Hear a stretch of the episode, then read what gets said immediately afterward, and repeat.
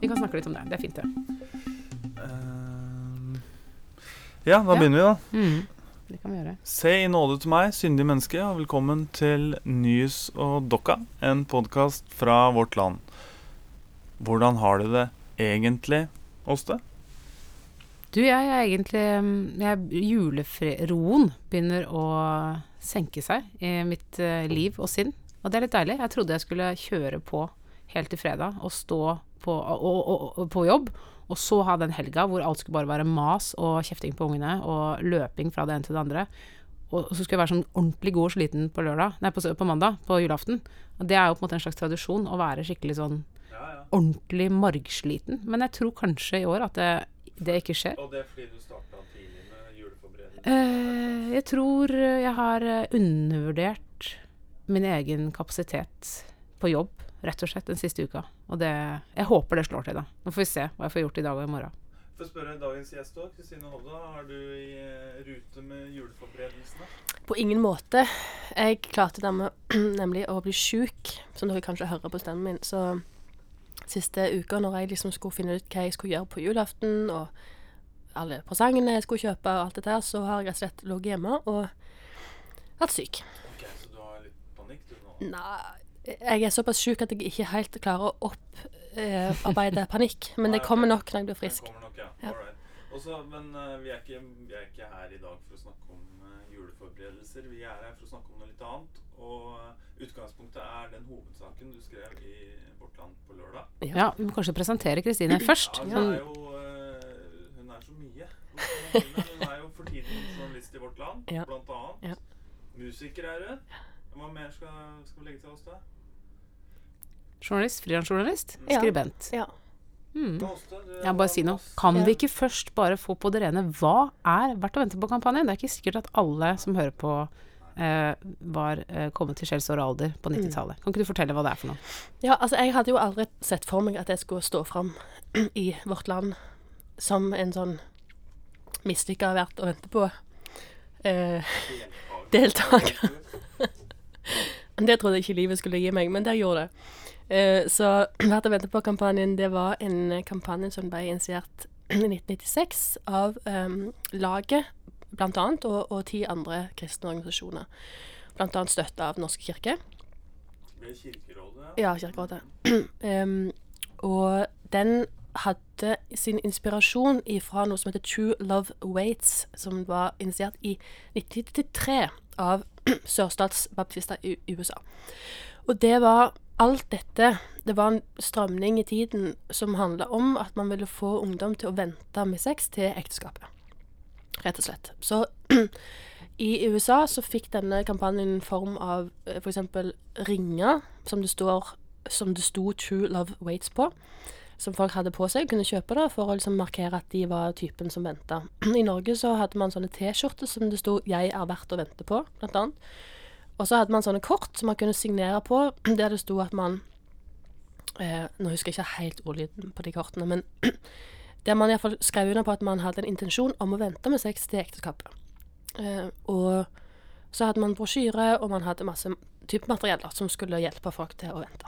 Men spille litt uvitende, hvorfor vente med noe som er så gøy og godt og fint? Nei, altså ifølge denne kampanjen så, så jo, er jo sex noe som er en Guds gave som skal nyte inn, nytes innenfor de rammene som Gud har satt, altså ekteskapet. Og når jeg sier ekteskapet, så er jo det forstått som et Igjen, dette klarer jeg ikke helt Nå må noen arrestere meg hvis jeg tar feil, men jeg mener å huske at dette var altså heterofilt samliv Ja. som er på en måte velsigna av Gud gjennom eh, ja, jeg, skal ikke si at det er kirkelig ekteskap, men iallfall ekteskap. Eh, all, all utenom ekteskapelig eh, sex er ifølge eh, den tradisjonen som denne kampanjen kom ut fra, eh, synd, altså feil. Det er hor. Hvor den kampanjen kom Ja, fra? nei, det er hor, sier jeg. Ja, det er hor. Ja. Mm. Mm. Du er jo teologen her. Ja, så nei, det er jo, stemmer det. det er jo, dette var jo før partnerskapsloven i det hele tatt ble vedtatt i Norge, og lenge før ekteskapsloven, Mm. eller den kjønnsinkluderende ekteskapsloven. Så dette handla jo om mann og kvinne Ja. i ekteskap. Tradisjonelt det- ja. ekteskap. Mm. Mm. Da er vi enige om det. Mm. Ja. Så, Men hvor, hvor var det du hørte om denne kampanjen? Nei, og det er jo litt sånn Altså, dette I 1996, da var jeg tolv år. Um, Og jeg har jo tre eldre søsken som alle har vært aktive i kristne sammenhenger. Og jeg husker ikke nøyaktig hvor gammel jeg var når jeg signerte et sånt kort sjøl, men jeg husker veldig godt at jeg hadde et sånt kort som ble hengt opp på korktavla eh, på rommet mitt. Eh, så jeg tror at jeg har kommet over et sånt kort gjennom søsknene mine. Det er den mest plausible forklaringen. Og det, dette er bare et sånn lite Et gult kort. Ja. Mm. Mm. Og der står det at du lover å spare deg? Noe sånt noe? Noe sånt. Ja, det er ikke love, men at jeg liksom går inn for det, da. På en måte. I den saken du skrev i Vårt Land, så intervjua du eh, noen kilder Mm. eh, som anonymt fortalte om sin erfaring Mm. med Vært å vente på-kampanjen. Mm. Kan du oppsummere for oss hva de sa for noe? Det var jo forskjellige ting. Altså, det var jo en som fortalte om at han og kjæresten hadde hatt sex eh, og, og angra på at de hadde brutt det løftet, da. Eller gjort noe galt. Eh, og den ene personen som jeg intervjuet, fortalte meg at de hadde skapt problemer både den gangen i det forholdet, som da tok slutt etter hvert, men også seinere i livet, i, i hans um, skal man si, sexliv, da. Altså problemet med rett og slett å ha sex. Eh, og problemet kanskje med hva sex er for noe. Som han syns er vanskelig, da. Eh, en annen person fortalte meg at eh, første gangen hun hadde sex, så var det en veldig skamfull erfaring som hun ikke klarte å helt være til stede i. Som hun fikk en veldig sånn fysisk reaksjon på. Og den tredje personen eh, som intervjuet teksten, forteller meg at eh, eh, at det å møte noen når du nærmer deg 30-årene som ikke har hatt sex før, um, føltes veldig rart, fordi han kom ifra en sammenheng der han sjøl hadde hatt et sånt standpunkt, men han em, opplevde vel at det budet om å ikke ha sex sto i veien for det å ha måte empati, eller det å være til stede ordentlig i en relasjon, da. Som han reagerte på seinere. Og det gjorde at han måtte bryte den, liksom, det forholdet. Fant du noen eh, som hadde, vent, hadde klart å vente, og som hadde noen tanker om det? Jo, så er det jo det, da, at jeg kjenner mange av de. Jeg kommer jo fra Vestlandet, og jeg har vært i mange bryllup der man iallfall mellom linjene har sagt at nå gleder vi oss til bryllupsnatta, fordi nå har vi ikke Dette har vi ikke gjort før. Så kan man jo lure på om det er sant, og det er ikke jeg interessert i å spekulere i, men i hvert fall sånn det ble framstilt. Og det var helt tydelig et ideal. Det, det, det på en måte um, Så kan man lure på har, jeg skrevet, har jeg skrevet denne saken fordi jeg er bitter for at ikke det jeg fikk det til, og det kan godt være. Eh, Det kan godt, veldig godt du, være. er du bitter for det? Altså, jeg har jo aldri fått den opplevelsen av å føle meg vellykka på den fronten, sant? Eh, jeg var ikke en av de to prosentene som klarte å vente med sex til ekteskapet. Eh, og det Jeg er jo en, eh, hva skal jeg si, en perfeksjonist og en person som liker å ha rett og liker å få ting til, og det der fikk jeg ikke til, sant? Jeg fikk det ikke til. Ja, så det er slik du ser på det i dag, altså? Ja, okay, ok, for det er, Ja. jeg tolker deg jo litt annerledes i teksten. Da. Ja, At det ikke egentlig er et ideal for deg lenger? Nei, men så um, Jeg tror at litt av grunnen til at jeg skrev denne saken, er at jeg vil se på alt dette. Jeg vil se på det å ha et sånn ideal. Hva gjør det med folks sine kjærlighetsliv tidlig i livet? Jeg vokste opp i en tradisjon, eller i et miljø, der man egentlig burde vente med å ha kjæreste til man var liksom ferdig med tenårene. Fordi man skulle gi tenårene sine til Gud. Um, og det fikk jeg heller ikke til. og jeg var en av de som virkelig ville få ting til. Liksom. Mm. Så og hva gjør det med en naturlig liksom, seksualitet og naturlig utvikling av relasjoner å ha et sånt krav, et sånt veldig høyt krav til hva som er bra, da? Når er du en vellykka Det er jo et merkelig, øh, det er et merkelig begrep, en vellykka kristen. Men nå, er, nå snakker jeg jo en gang sånn, da. Når det idealet er så høyt, da, så, um, så blir jo fallet desto større. Og jeg, som, jeg, som den perfeksjonisten jeg er, så ble det fallet ganske stort. Um, så jeg stiller jo spørsmålet gjennom den teksten Hva gjorde det med meg å falle så stort? Uh, og hva hadde jeg gjort med min, mitt forhold til min egen kropp og min egen seksualitet senere i livet? Ehm, hva, hva, kan, hva slags slagside kan et sånt fall få for eh, forholdet til egen kropp og seksualitet senere i livet. Det snakker jeg jo litt med Peder Kjøs om i den teksten. Der han sier at sex kan, kan også bli en ting som ikke betyr noe. Som man kan gjøre til noe som ikke betyr noe. Og det kan også ha uheldige sider hvis man egentlig tenker at det betyr noe. Så det er jo en Jeg skriver veldig lite om min egen personlige erfaring, for det, det blir for privat. Men, men jeg tar opp disse tingene gjennom hele teksten, da. Og så stiller jeg også spørsmålet um, Kan man se på dette på en annen måte, også innenfor en kristen sammenheng? Det syns jeg òg er interessant. Hvordan er det man argumenterer eh, for eh, avholdenhet? Er det med i et, i et, eh, et bibelsk språk, eller er det mer sekulære gevanter? Mm. Jeg vet ikke om jeg skal svare spesifikt for, for hvert å vente på kampanjen, men jeg kan iallfall svare for sånn generelt sånn som jeg har oppfattet det i den oppveksten jeg har hatt i de miljøene jeg har vært i. Så har man snakket om dette først og fremst i på en måte teologiske termer. At dette er noe som Gud har sagt. Og så har man mange gode argumenter for at det er fornuftig å følge også på en måte av sekulære årsaker og psykologiske årsaker og, og sånn. Men hvis man skal tenke teologisk, så, så sier man at eh, forholdet mellom mann og kvinne kan sammenlignes med Det er et bilde på Kristus og menigheten. At menigheten er Kristi brud, som skal være upletta og ren for Kristus. da. At man ikke skal ha liksom hatt andre elskere eh, enn en Kristus, som man skal vente på. Kristus er på en måte den forloveden som skal komme igjen og hente på sin brud. da. Og, og dermed så må også kvinnen være upletta for sin mann da, før ekteskapet skal fullbyrdes. Eh, og så har man alle, alle mulige andre ting, da, som, som eh, Man kan bli gravid, man kan få kjønnssykdommer, men også dette at man gir bort hjertet sitt, liksom. Eh, det var en som snakket om dette med å ha mange kjærester, at det er som at man limer sammen to A4-ark. Og så hvis det da blir slutt, så må man jo rive de arkene fra hverandre. Da er det alltid litt igjen av arket på det andre arket. Så man blir alltid litt sånn litt ødelagt hver gang et forhold tar slutt. Og derfor bør man da ergo ikke ha så mange forhold. Minner litt om den kakemetaforen jeg òg har hørt. Hvis du, hvis du deler seksualiteten din med for mange, så er det som, blir det mindre og mindre kakestykker. Nettopp. Så du har liksom fått en utdelt kakestørrelse til Som å man kan bruke opp. opp.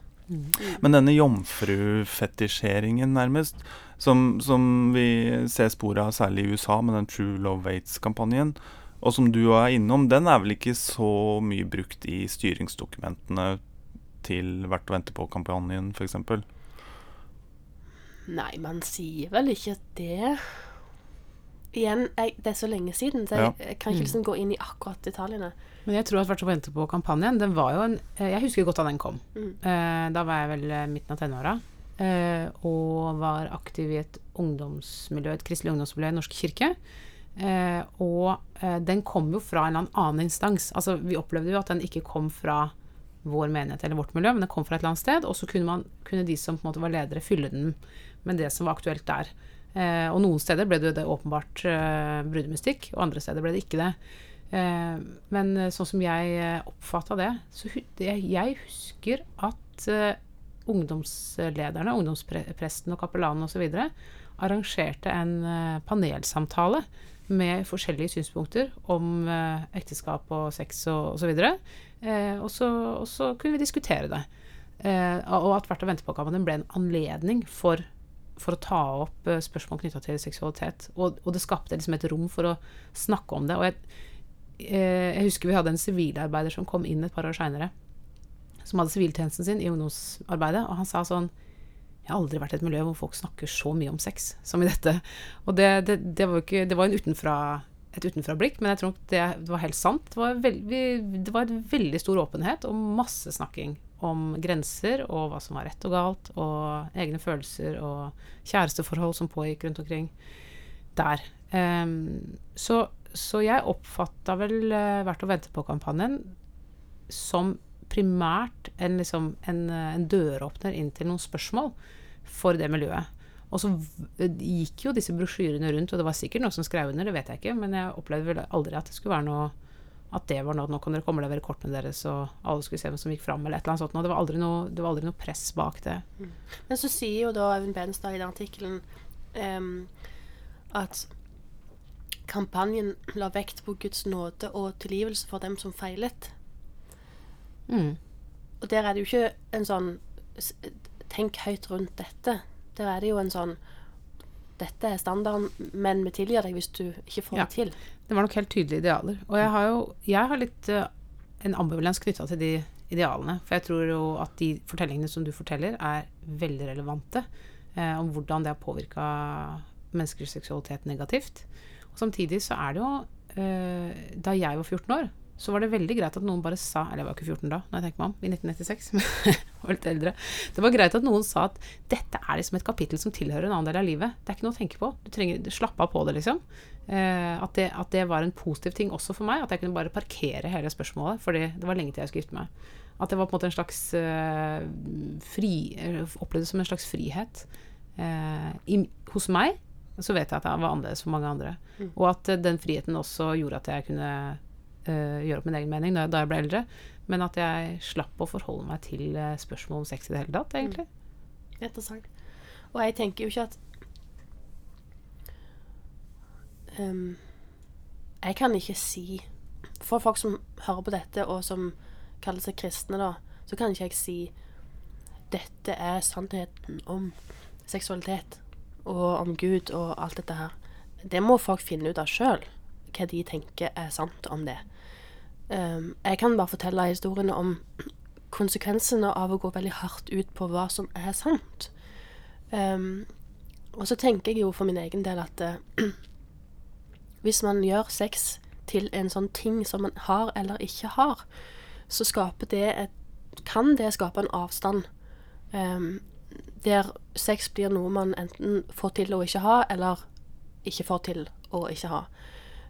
Som igjen kan føre til ehm, at det blir en slags inst instrumentalisering av sex. Der man også på den andre sida igjen plutselig kan finne på å, å, å, å skru av um, intimiteten rundt hva sex kan være, fordi man har lært opp til å Altså Man har lært opp til å til at det er en ting. Hvis dere er med på hva jeg, hva jeg prøver å si. Ja, det er en separat uh, definert størrelse som, som eh, Du man kan enten tar del i eller ikke. Ja, og at derfor så kobler man det fra relasjonen til det mennesket man eventuelt har det med. Mm. Og det tenker jeg er usunt, enten man har mye av det eller ikke har det. Eller har litt av det. Eh, fordi at det, man har ikke bare sex. Man, sex er noe man har sammen med et annet menneske. Hvis man har det. Og det er det veldig lett å overse i denne diskusjonen. Jeg skjønner det blir borte i denne modellen Ja. for seksualiteten. mm, Men hva er alternativet? Vi skal vel ha en seksualmoral, skal vi ikke det? Da må vi nødvendigvis tematisere sexen og snakke om den. Ja, og så er det jo sånn at Litt som Hvis man skal snakke om bibelsk syn på sex um, når, er man, når er det man gifter seg i 2018? Ehm, det er på en måte ikke sånn at man, med en gang man blir kjønnsmoden, så går det et par år, og så gifter man seg. Ehm, så kan man diskutere om man, om man burde det, om alle burde egentlig ha gifta seg når de var 17 år. Slik det gjerne var på den tiden Bibelen ble nedskrevet. Ja. Sant? Er man moden i hodet sitt til å ta et sånt valg når man er 17 år? Hvordan, hvordan ville et samfunn Hadde vi klart det? altså Hvis vi virkelig skal ta den tanken inn, da. Um, hvis man ikke skal det, går det an å tenke annerledes om hva sex er? Um, går det an å tenke annerledes om hva som Altså, begynne i en annen ende, da når verden ser ut som, som den gjør, kan vi bruke eh, Bibelen som et verktøy til å tenke annerledes rundt hva som er bra for oss. Det er jo det jeg tenker at Men igjen, jeg har, har ikke noe liksom behov for å være en autoritet i andre menneskers liv på hva som er Guds moral, hva som er kristen moral i disse tingene. Men, men jeg tenker at eh, moral må jo alltid gjelde i forhold til seg sjøl og i forhold til andre mennesker. Hva er bra for deg i, i, i, denne situasjonen? Hva er bra for meg i den situasjonen? Hva er bra for oss? Hva skal man med moral hvis ikke? Altså, jeg tror jo personlig ikke at Gud bryr seg så veldig mye om jeg gjør sånn eller sånn, med mindre det går utover meg eller andre mennesker. Ja, for jeg tenker at dette her er jo, Der er vi over i spørsmålet om det finnes liksom noen andre kriterier i det som man kaller for kristen etikk, og det som bare kalles for etikk sånn generelt. Eh, fordi eh, det store liksom eh, imperativet, det store kravet til oss som mennesker, er at vi skal ta vare på hverandre. Vi skal ta vare på oss selv. Mm. Det er det som er et godt liv. Det er det som er god moral. Men fins det noen sånne kristelige ting som er nesten liksom magiske? At idet du sier ja for alteret, så skjer det en eller annen sånn øh, grunnleggende endring av virkeligheten som gjør at, at øh, noen regler plutselig settes i spill, og noen andre settes ut av spill.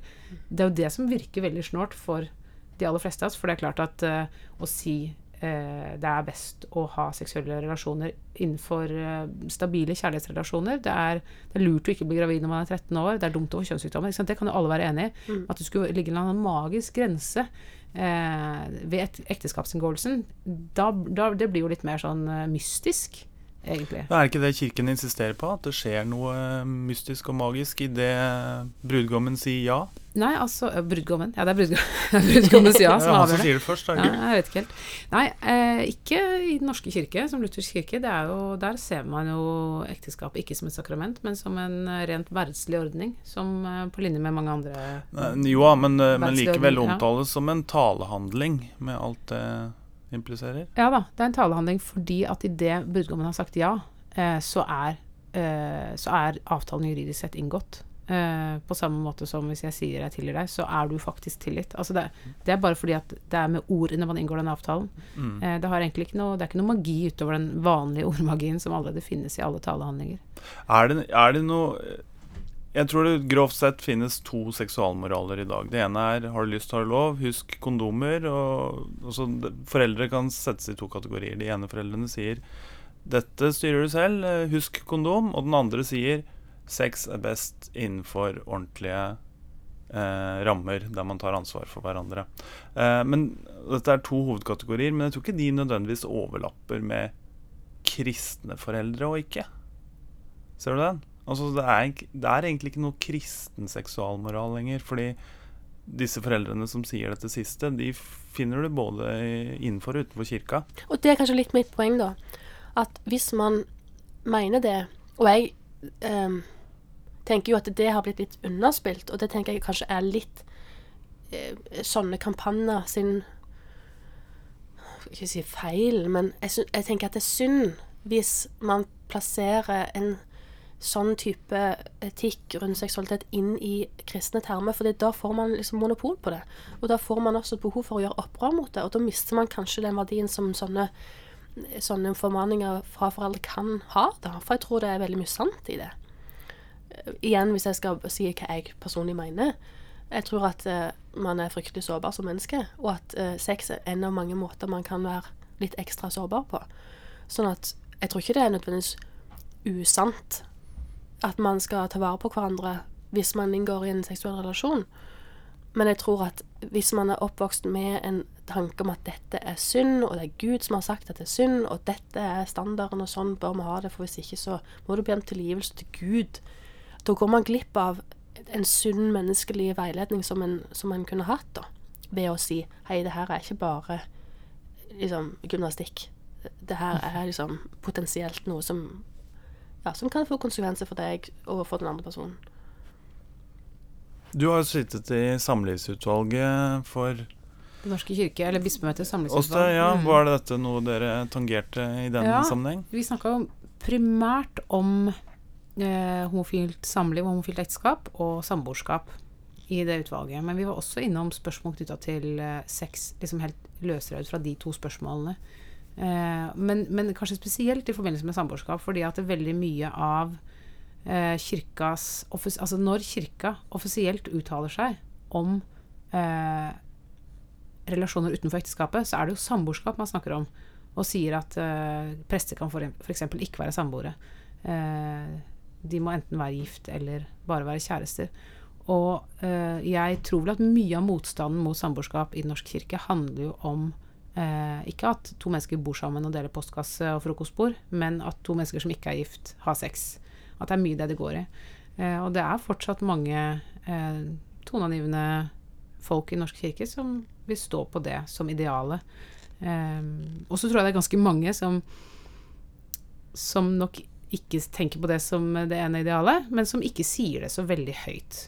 Fordi det er jo en av sidene ved dette, at vi har jo fått en viss sånn kirkelig berøringsangst overfor spørsmål knytta til eh, eh, sex og seksualmoral. Eh, man kan snakke veldig greit om ordninger, eh, om, om ekteskap for de eller de gruppene, og samboerskap, men med en gang man begynner å snakke om sex og ungdommer og seksualitetskultur og pornokultur osv., så, videre, så blir, blir det vanskelig for folk å si hva de mener. Og det tror jeg det er både vanskelig for de som er konservative, fordi de blir jo kjipe. Og så er det vanskelig for de som ikke er konservative, for de blir jo veldig fort forkjetra, de får kjeft, de, og de høres ut som de ikke syns at noe er viktig. Eh, at alt kan bare flyte. Så det, så det, er jo en ganske stor eh, berøringsangst i kirkelige miljøer. I hvert fall når det gjelder å si ting liksom, i en avis eller eh, i en pressemelding. Men hvis du går til eh, hva skjer på konfirmantleir, altså hva skjer når eh, prester og ungdomsarbeidere har eh, undervisning for konfirmantene, hvor seksualitet nesten alltid blir tatt opp, har jeg inntrykk av, så tror jeg nok at uh, formidling er ganske sånn nyansert, stort sett. Ja, hva, men hva er nyansert? Altså, kan ikke Kirka bare si at vi tror, fordi at vi er kristne, at sex er noe som skal være innenfor ekteskap, fordi Gud har sagt det? Det vil nok en del si. Men, kan, men det må de jo veldig det må de jo, altså, Kom igjen, liksom. Si det høyt, da. Hvis mm. det er mm. det de mener, tenker ja, jeg. Jeg tenker at det er en del folk som sier det, og som vil si det til konfirmantene, og som sier det hvis du intervjuer dem, sånn som f.eks. Benestad, som du intervjua mm. i saken din. Um, fordi, og Grunnen til at jeg sier mm. dette, er fordi hvorfor, hvorfor skal Kirka ha en autoritet på hva som er sunn seksualitet?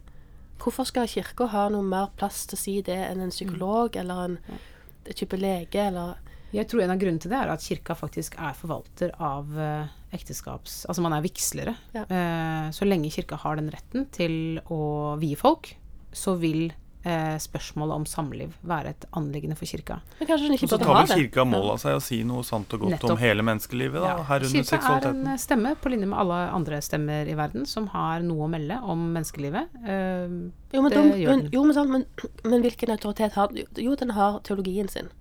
Den har jo ikke noe annet. Ja, den har jo time på time på time sjelesorg, da. Det er veldig, veldig mange samtaler som skjer eh, innenfor Norske kirke hvert år, hvor spørsmål om seksualitet åpenbart er oppe. Eh, så den enkelte prest kan nok sitte på ganske mye kompetanse. Jo, men det er litt sånn eh, Jeg leste en som sa i går at eh, religion det kan fort være stedet man går til for å plastre på sårene som religionen har gitt en. Mm. Mm. Og hvis Kirka er den som har vært premissleverandør av dårlig samvittighet og skyld rundt seksualitet, hvorfor skal man da gi Kirka autoriteten til å fortelle hvordan man skal liksom fikse på det? Ja, altså Den autoriteten eh, Kirka eventuelt måtte ha, den er jo bare der i kraft av at folk faktisk lytter. Eller at folk eh, tror på Gud, da. Eller, ja, eh, og dermed lytter. For hvis ingen lytter til hva Kirka sier, så har den jo ikke autoritet. Så den er, jo, den er jo vi som gir. Vi yter jo yter jo den tilliten eh, dersom vi opplever at kirka sier noe relevant. Og hvis ikke, så bryr vi oss ikke. Det er sånn det er. Da blir det bare støy. Du, Vi har jo denne spalta vår, Ord for dagen. Har du funnet fram noe bibelord ah, hos deg? Det har jeg, vet du. Ja. Jeg har uh, eh, henta fra uh, det skarpeste av det skarpe, nemlig Bergprekenen, som den heter i Matteus evangeliet. Heter for øvrig, I Lukas evangeliet så har Jesus denne samtalen fra en slette, så vi kunne like godt kalt den for slettepreken. Men Matteus plasserer eh, faktisk Jesus på et fjell. Jeg syns jo det høres bedre ut når vi kaller det ja. bergprekenen. Men du, det er fordi Matteus han skriver jo primært til jødene. Og Moses fikk jo loven på et fjell, og dermed så er Jesus på et fjell når han snakker ja, til folk om Matteus. Mm. Så det er grunnen. Det visste jeg ikke. Da kan vi la det historiske spørsmålet ligge, ligge, ligge ubesvart. Der sier Jesus Dere har hørt deg sagt, du skal ikke bryte ekteskapet. Men jeg sier dere, den som ser på en kvinne for å begjære henne, har allerede begått ekteskapsbrudd med henne i sitt hjerte. Det siterte Jimmy Carter òg da han ble spurt om han noen gang hadde vært utro mot sin kone. Ja, mange ganger, sa han. I mitt hjerte. Sånn er det. Så men, det er ikke lett. Det er ikke lett, men det, det som jo uh, er uh, her, her, er det jo lett å tenke seg at Jesus tenker på eh, det som vi kaller de ti bud, som står i andre Mosebok, hvor jo et av budene er at du ikke skal eh, bryte ekteskapet. Men det er også et bud som Luther delte i to, det siste budet, eh, hvor det står at du skal ikke begjære din nestes hustru, slave eller slavekvinne, eiendom eh, eller, eller, asen. Asen òg, vel. Ikke glem asen. Og det, det, tenker jeg sier noe om at dette, det som er galt, er jo å ønske seg noen andres eiendom. Det er ikke det å ha, ha, ha seksuell lyst på noen andres kone. Det er ikke det som nødvendigvis er problemet, men det er å ønske seg andres eiendom. Og da er jo ektefellen, eller da kona, for å være helt konkret, eiendom i denne konstruksjonen. Uh, og dermed så blir jo uh, vi heterofile kvinner, da, vi slipper jo fri fra dette, som Jesus sier. Vi kan jo begjære så mye vi vil. Vi kan begjære så mye vi vil, hvis ikke vi ser på kvinner, da. Så dette, jeg tenker at det, det som ligger mye i bak mye av bibelsk eh, ekteskapsteologi, handler jo om hvem som eier seksualiteten til kvinnene. Eh, og det er jo eh, først far, og deretter ektemann. Og det syns jeg vi burde snakke sant om når vi snakker om bibelsk seksualmoral, eller bibelsk ekteskapsetikk. Det sies, eh, det sies gjerne eh, at eh, mange forlater troen når de begynner på universitetet, og forstår at den bokstavelige skapelsesberetningen, den henger jo ikke på greip. Eh, og så opplever de at de må velge mellom troen og, og, eh, og det vitenskapen forteller dem. Kan det være en tilsvarende mekanisme når folk flytter hjemmefra og, og kanskje opplever seksualitetens gleder, hvis de har blitt eh, prentet inn at det ikke er forenlig med et godt, fromt liv? Og alkoholens, alkoholens gleder også. Og alkoholens gleder. At denne koblingen mellom alkohol, sex og tro, som prekes her og der, er, er derfor veldig sånn destruktiv. Den gjør at folk eh, kvitter seg med alt i stedet for eh, å, omfavne det. kaster eh, troen ut Med badevannet eller et eller annet sånt noe. Eller Ja. hva det blir. Mm. Jeg tenker kanskje at kristendommen veldig ofte blir framstilt som en religion som handler om alt du ikke har lov til å gjøre. Mm. Og at det, det, det man ikke har lov til å gjøre, får uforholdsmessig stor plass i en del miljø. Og at det, det står i veien for det jeg kanskje tenker at um, kristendommen kunne ha handla om. Og med det mener jeg ikke å si at forholdet til alkohol eller sex ikke er viktig, men Men at veldig mange av de tingene tas, tas opp i seg ved det doble kjærlighetsbudet. Så at man hadde spart ekstremt mye tid hvis man hadde snakket mer om det. Ehm, og at ehm, kristendommens, tenker jeg, kjerne som handler om det å, å gi slipp på egoet sitt, eh, og ikke bare tenke på seg sjøl, og det å oppleve at hvis man slipper tak i det man kjemper veldig hardt for, så får man veldig masse tilbake igjen. Det gjelder også i, i seksualetikken. At hvis man bare er egoistisk når det gjelder seksualitet, så, så skader man andre mennesker. Så det, det er så mange måter å snakke om dette på som ikke handler om at du skal ikke, som jeg tenker er mye mer fruktbart. da. Mm. Ja. Du har jo ja, Siste spørsmål. Eh, Du eh, Denne Verdt å vente på-kampanjen Du har jo nå sagt både positive og negative ting om den. Den har på den ene siden vært skampåførende, på den andre siden så har den skapt et rom, et samtalerom og et språk og en måte å begrepsliggjøre en del ting på. Men skulle vi helst vært den foruten? Er det, er det sånn å forstå? Var den verdt det? Var den verdt det? Ja. Og det hvis jeg svarer på det, så svarer jeg jo på vegne av fryktelig mange mennesker som enten ikke fikk det til og har sår på sjela, eller som fikk det til og som har eh, hatt vanskelige seksualliv eh, seinere. For de er det òg mange av som jeg ikke har intervjua. Og så svarer jeg på vegne av folk som har venta, og som ikke vet noe annet enn det, og som er veldig fornøyd med det. Og i en ideell verden så skulle jo alle bare hatt en kjæreste og vært lykkelige og forelska og hatt sex, fantastisk sex resten av livet. Men eh, sånn er det jo ikke. Så jeg tenker at um, ting er, når ting er som de er Jeg ville nok ikke hatt en ny. Jeg ville ikke ha satt i gang med en ny. Jeg håper ingen setter i gang med en ny kampanje.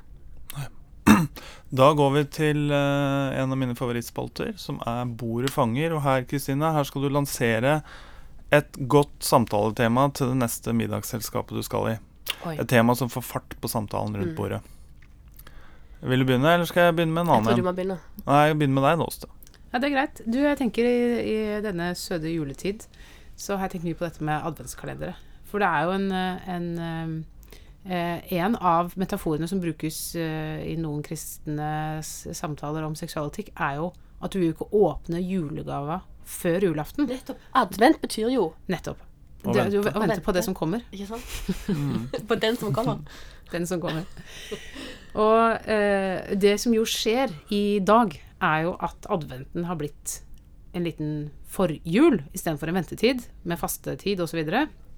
så er det pakkekalendere og godterikalendere og ribbe i kantina og eh, både klementiner og pepperkaker Du på vil ha en ny verd å vente på for jula. For jula sin del, en ny Verdt å vente på-kampanje. Så jeg lurer på om jeg skal lansere rett og slett eh, jula. Verdt å vente på. Og i det tilfellet så varer jo på en måte jula i etterkant av jula, mens nå er det jo full stopp. Nettopp. på Fordi nå julaften. eh, Ja, Så spørsmålet hvis om... Så om, du om tar den uh, Mm. analogien videre, så er, har den Og da kan man spørre seg om folk som har hatt seksual- mye sex før de gifta seg, om de slutter å ha sex Nettopp. idet de er gift. At da er det ikke noe vits lenger. Da er du ferdig med det. Det, Det skal min neste sak i hvert fall land handle om. Det er en mulig analogi. Er du klar nå, Kristine, eller skal jeg eh, vente litt til? Altså, jeg er jo, må huske at jeg er forkjøla og har ligget syk de siste fire dagene. Så ja, jeg vil jo gjerne vite hva er det som gjør at jeg blir fort frisk. Har noen gode sånne bli frisk-tips. Kjerringråd Ja. er du ute på. Veldig Mm. interessert i det for min egen del. Alt har med ingefær å gjøre. Det, Jeg kan disse ingefærtriksene. Ja. Jeg husker en gang jeg var syk og skulle på fest og tenkte det lureste jeg kan gjøre nå, er å ta en Paracet. Ja. Og det, det gjorde jeg, og følte meg veldig pigg. Sånn at jeg eh, drakk jo en del vin. Mm. Og dagen etter så var jeg ikke så frisk. Så det, det, vil, jeg det vil jeg avbefale. Så jeg kommer med et ukristelig råd Mm. til de som er på julebord. Eh, hvis du tar en Paracet eh, og en Syrtec, altså allergitablett, før du legger deg, hvis du har vært ute på en liten snørr, så blir du altså mye bedre dagen derpå. Ja, og det, er det evidensbasert? Det er, det er veldig privat eh, eh, forska på. ja. Ja. Anekdotisk forskning, altså. Ja. Mm. Du og Håvard, har du Eh, tema? jo, jeg tenkte å spørre Har dere eh, noen faste juleritualer? I den forstand at dere har dere noen faste bøker eller tekster dere leser? Det er sikkert eh, Juleevangeliet teller ikke her, da, for det, det forutsetter jeg at det er obligatorisk. Altså, Men har dere, har dere noen faste bøker? Jeg fikk en epiphany, en åpenbaring i fjor faktisk, når jeg satt og så på Tre nøtter til Askepott, for det er min fasteste juletradisjon. Da jeg skjønte at Tre nøtter til Askepott er jo egentlig full av masse bra livsvisdom. Faktisk. Ja, fortell. Ja. Ja, fortell. For alle tenker at Askepott å, det handler om hun liksom vakre, skjøre jenter som blir redda av prinsen. Men i, den versjonen som vi ser på, på norsk TV, så er det jo ikke sånn i det hele tatt. Det er jo hun som er the shit. Hun står på sitt, gjør Mm. si greie. Eh, Ja, han prinsen er jo han ikke prinsen særlig jo driftig av seg. Nei, han er en slags tilbehør på slutten. Mm.